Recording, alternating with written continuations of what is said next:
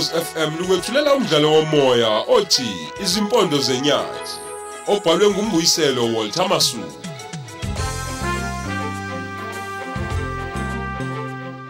Nasi isiqebu sethu samashumi amabili nanye.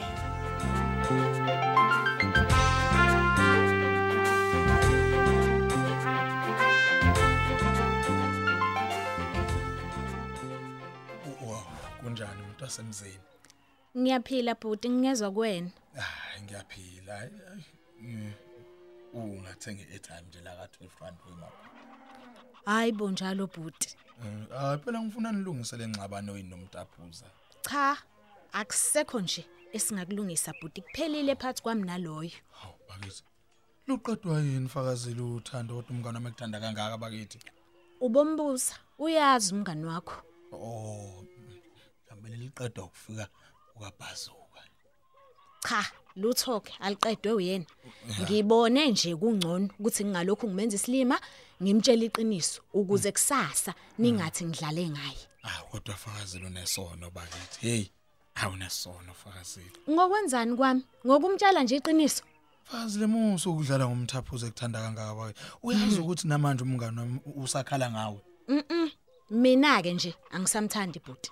Akaqhubekele phambili, ziningabe intombi la eplazini, akhohlwe nje mina. yazi fakazile umngane wami bengixoxela nje namhlanje uthi uzame inkomo ufuna ukuza kini kwangcoba azokucela Maye babo. Mm. Eyithatha phi inkomo lo lopholo nje? hawu kahle bakithi Akanawo ngisho umbhedo osile.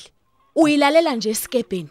Oh. Angayithenga ngani inkomo esahlulwa nje umbhedo vo. hawu kahle fakazile wawusumphoxa kamngaka umngane wami engekho bakithi kahle Hayibo ngiqinisile. Umbhede wakhe isikephe. Awu. Angiphathi ki bring zawo ziyahlaba umulele. Zihlabani? Awu, nezingubo zakhona zokulala ezingompingi impisi engawashwe inukayo. Bese uthi insizwa ke leyo engayishaya ifuba ngayo. hayi fakazile phela phela nguwo ngamwashele ingubo ncaze engcolile bakithi. Cha. angithi okumele umnakekele. Ngeke ngikwazi. Kwalezi nje ayigqokayo ezangaphansi ke ungayibona ukuthi ziguge kanjani. Ngikutshela ngamantwayintwayi into hawu engachazeki. kahle phela umuntu wasemzini.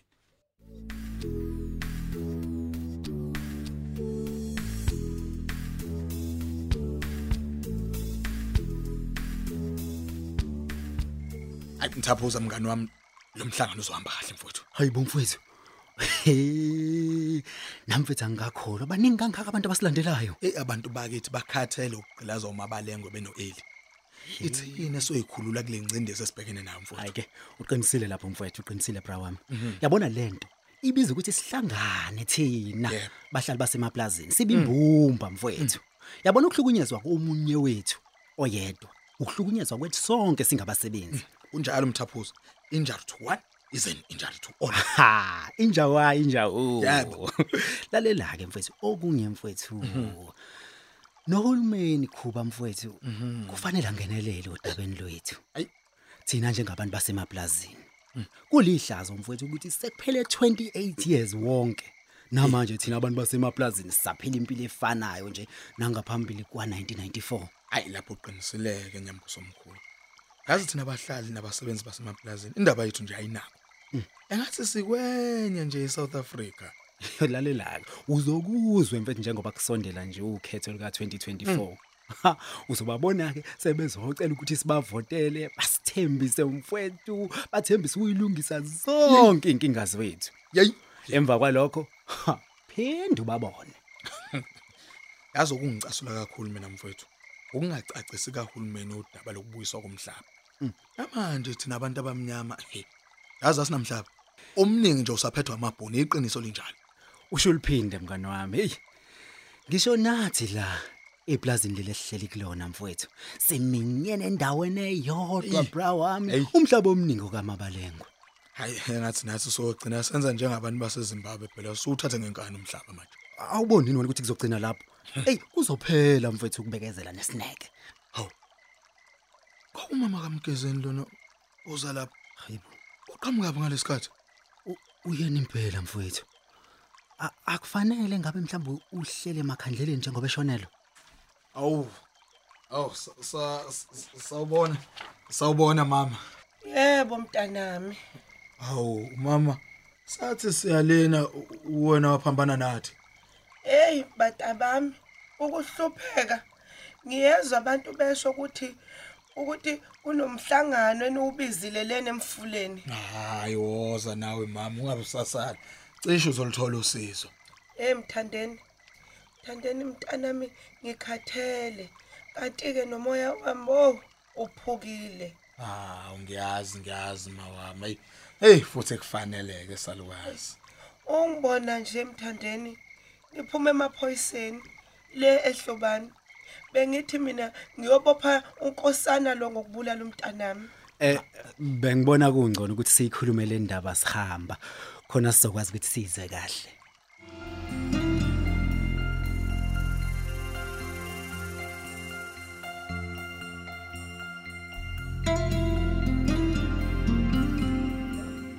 Ewu, yini ngathi imoto kaMasikibheshu le emegcekeni la kwakhe?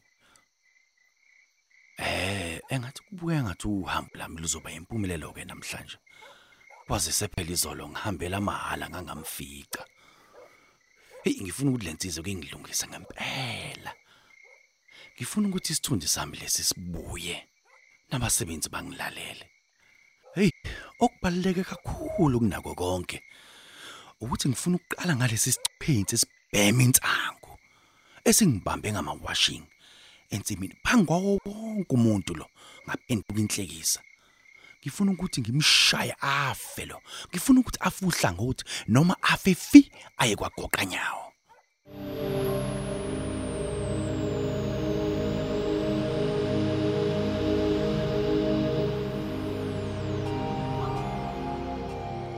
Eh ngiyabonga.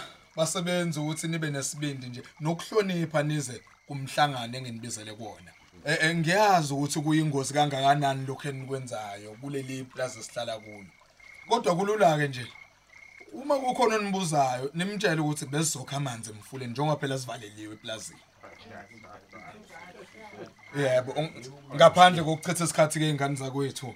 Ngicela ukwethula isihambeli sethu sosuku lwanamhlanje. Ubaba ubheke inzimande, yebo. Umphephethe. Eh uphuma kwindlu zela Family Bus and Dwellers Association eMgungundlovu. Eh yonke ke into zobe seyichaza yena ke eh umphephethe, umphephethe. Ngiyabonga ngiyabonga kakhulu Khuba. Eh sanibonani bafowethu no dadewethu. Useshilo ke ucomrade Mthembeni ukuthi ngingubheke inzimande. Ngiphuma kwinhlangano elwela abasebenzi nabahlali basemaplazini. Ezinkingeni zabo ke zemhlange emihla. Kuyona ke eh iSouth Africa le ekhululeke ngonyaka ka1994. Abahlali basemaplazini ke eh nabasebenzi nje bakhona basayizwa ngendaba indaba yenkululeko. Mina ke ngi- ngicela silalele kancane. Mina ke sengihambela amaplaza amaningi lapha kwaZulu Natal. Ngabona isimo esibucaye niphila ngaphansi kwaso. Kuse kusekuncane kakhulu kokwenziwa uhulumeni wethu. Eh ukusiza abasebenzi nabahlali basemaplazini. Uya uyabona njengoba kuza ukhetho ngo2024. Ha bazonikhumbula ke futhi bafuna ukuthi phela nibavotele. Hawe emva kwalokho gone. Gone. Thina ke thina ke siyinhlangano ezimele exhaswa ngamazwe angaphandle ngezimali. Sikhaswa ngaphandle thina. Lawo mazweke asiza ukuthi sizolekelela abantu abanjengani nje abasebenza baphinde bahlale emaplazini. Inhlangano yethu alikho iqembu noma inhlangano nje eh, yezombusazwe ehambisana nayo. Izimele nje futhi ayiyona ngisho umngani nohulumeni. Asitholi ngisho ukhaso lwezezimali kuhulumeni. Nalokho ithini esifaka uhulumeni ezinkantolo? Ngoba engafuni ukusilalela xa simtshela ngeenkinga zenu.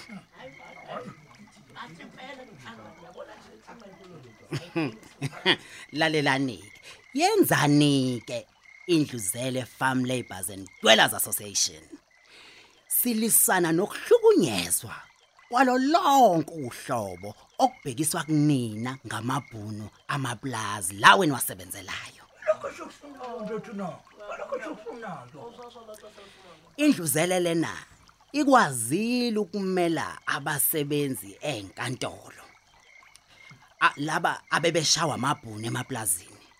Lawo mabhunu ha abakhokhela bonke labo basebenzi izimali ezinkulu zesinxephezelo eyo sengathi nasi ningake nisimele lapha eplazini kamabalengo bakithi esihlukumezekile indluzele ikwazile ukuqeda zonke izikiti ebezingekho emthethweni lapho bekuboshwa khona inkomo zenu.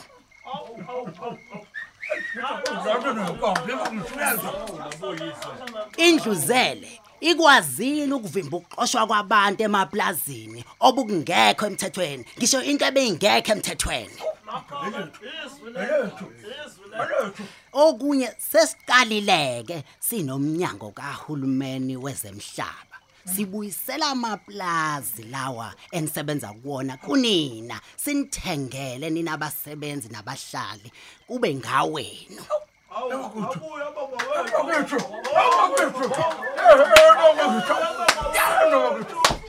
Ehe sesikwazile futhi ukungenelela ema police station.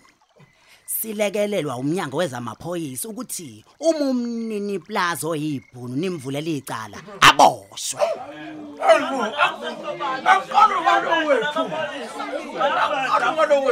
Ehe kafushane nje silwela amalungelo enu nina abahlali basemaplazini sifuna nihlale kahle. Amabhunu asemaplazini lawa anihloniphe anazi ukuthi ningabantu. Makube njalo makube njalo. In- inhlangano yethu lena iyinyonyana yabasebenzi nabahlali basemaplazini ehe okwethuke ukuthi sinimele kuyo yonke into enihlukumezayo hayi siyezwa wendodana. Uyabeka cha cha udaba lakho nje ngiyaluzwa. Ngiyabona futhi ukuthi ngathithi u- ifike lapha nje lenhlangano yakho indluzela idingeka impela. Hey nkosi yami yabona ke ndodana? Mina nginenkinga lapha eplazini la isihlala khona leli bhunu umabalengo ubulala indodana yami ebisebenza kuyena. Yalidubula ngesibhamu ingenzanga lutho. Awu mama. Mama awu ngiyakuzwa mama. Ey yabuhlungu indaba yakho. Ey izimo lezi esihlala sidibana nazo njengoba sisebenza indaba indaba yawo lamabhono kodwa ke ngicela ukhululeke mama. Mama ngicela ukhululeke. Sizoyisebenza indaba yakho. Bafowethu nodade wethu ukuze ube yilunga lalenhlangano yethu uyajoyina ke hayi kujoyinwa ngemali nje encane ngo50 rand. Ehe bese lalela lale- lalelane lalelane. Bese ibamba nyanga zonke ukugcina ubulungu bakho.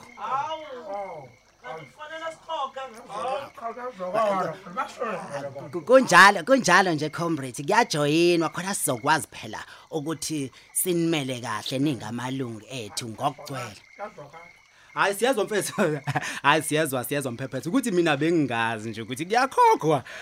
Hayi thina besizele emhlanganweni nje singazi ukuthi kuyakhokhwa kule nhlangano. Hayi eh hayi basebenzi ngikholwa ukuthi niyayithanda inhlangano. Yebo. Oh ba ba- baba umphephethu sihole kupheleni kwenyanga. Eh, njengamanje impela hayi asinamali. Kodwa ke siyafuna ukujoyina. Hayi kulongdlela mfowethu. Abafuna ukujoyina ke comrade eh bangabhalisa amagama abo lapha kuwena. Oh bese ke kuthi ngokuphela kwenyanga babe sebeletha imali ke kuwena yokujoyina. Xa senijoyinile nonke ke hawu sengiyobe sengiza ke kumlungu wenu. Sengizomsayinisa ukuthi thina ezindluzele. Sesinamalungu lapha eplazini. Madoda hayi yazwa hayi yazwa awu yazwa mphe- mphephethu mina mfethu Ah ngizojoyina mfethu ukuthi sesikhathele kakhulu thina ukudlala amabhunu. Yabona nje ngikhuluma nawe lisivalela amanzi la mfethu. Yabona nje mfethu lisivalela amanzi ngenxa yokuthi kufe izinja zalo. Awuzwe nje. Into engizoyilwa ke leyo basebenzi. Ukuthi leli plaza libuyele kunina abasebenzi. Leli ibhunu liphoqa ukuba lidayisele uhulumeni.